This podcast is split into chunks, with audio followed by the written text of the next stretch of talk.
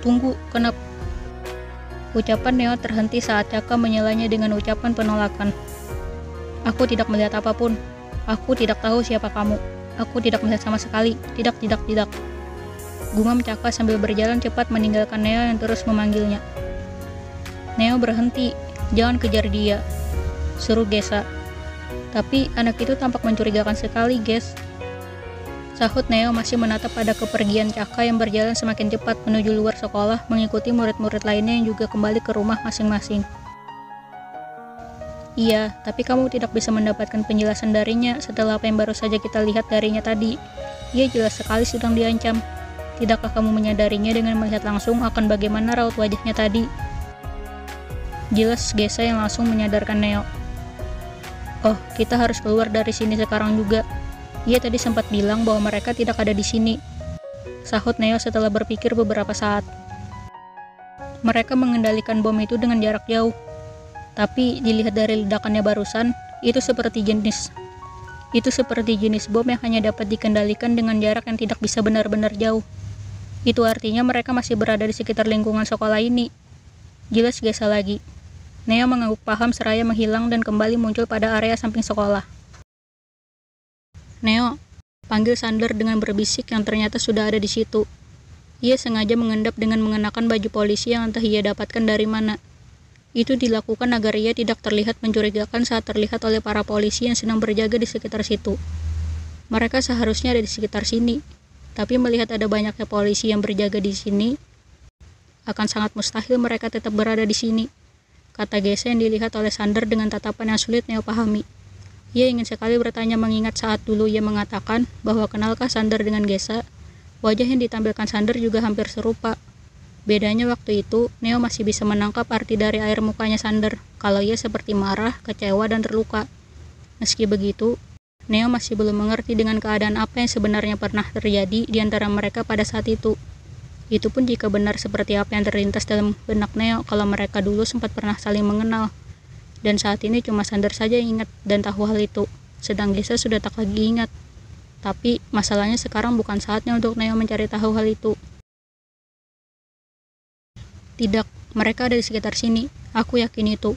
Mereka sedang bersembunyi di suatu tempat, kata Sander sesaat memejamkan matanya.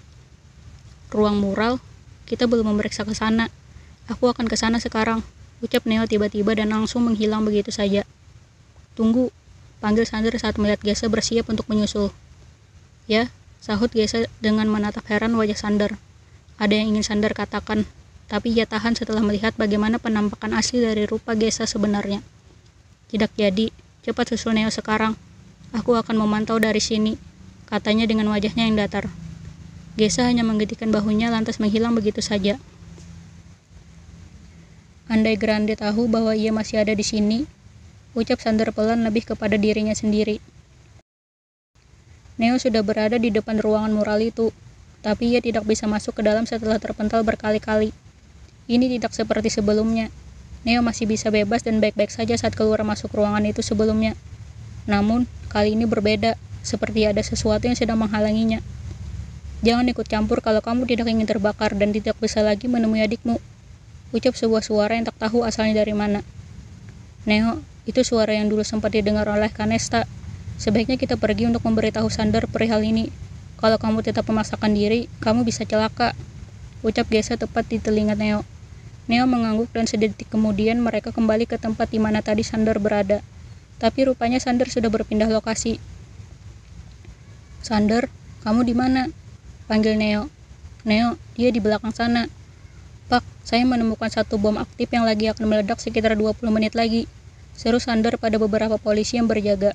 Dalam sekejap para polisi yang bertugas untuk menjinakkan bom pun berlarian mendatangi Sander. Tapi yang terjadi berikutnya adalah hal yang sama sekali tidak terduga.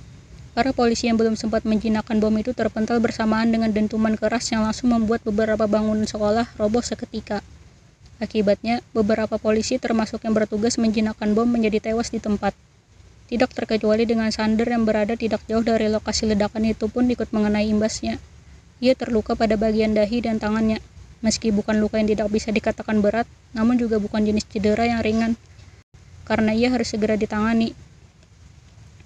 Setidaknya, nyawa Sander masih bisa selamat dari maut yang berjarak hanya sejengkal saja dari tubuhnya itu. Sander, kau baik-baik saja? Tanya Neo yang padahal ia sudah melihat sendiri dengan bagaimana keadaan Sander sekarang yang dalam keadaan tak baik-baik saja. Lebih baik kau pulang saja, Sander. Obati lukamu. Ucap Gesa saat melihat adanya rembesan darah yang turut membasahi celana Sander. Nak, kemarilah, lukamu harus segera diobati.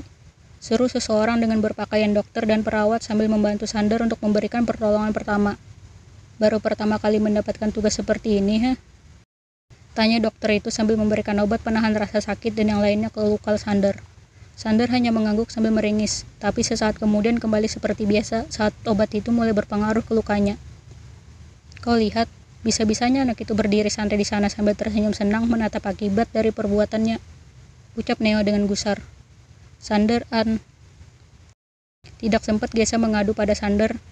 Neo sudah lebih dulu menarik dan membawanya menghilang dari sana. Sander yang sempat mendengar ucapan Neo tadi pun menoleh ke arah di mana tadi Neo sempat melihat dengan gusar.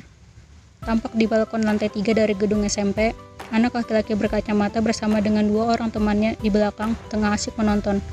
Meski tak dapat melihat dengan jelas karena jaraknya lumayan jauh, tapi Sander tahu bahwa mereka seperti setengah bangga dengan perbuatan laknat mereka Sander tak habis pikir dengan bagaimana bisa tiga anak yang tampak kelihatan seperti anak biasa dan cenderung seperti anak teladan itu justru memiliki kebiasaan tidak terduga yang mana membuat kebanyakan orang pasti tak akan mempercayai hal itu. Wajah mereka terlalu polos untuk dituduh sebagai perenggut paksa nyawa orang lain. Sander hanya bisa mengepalkan tangannya begitu saja melihat hal itu. Stop Neo. Seru Gesa saat mereka tinggal beberapa langkah lagi tiba di belakang anak-anak di EP.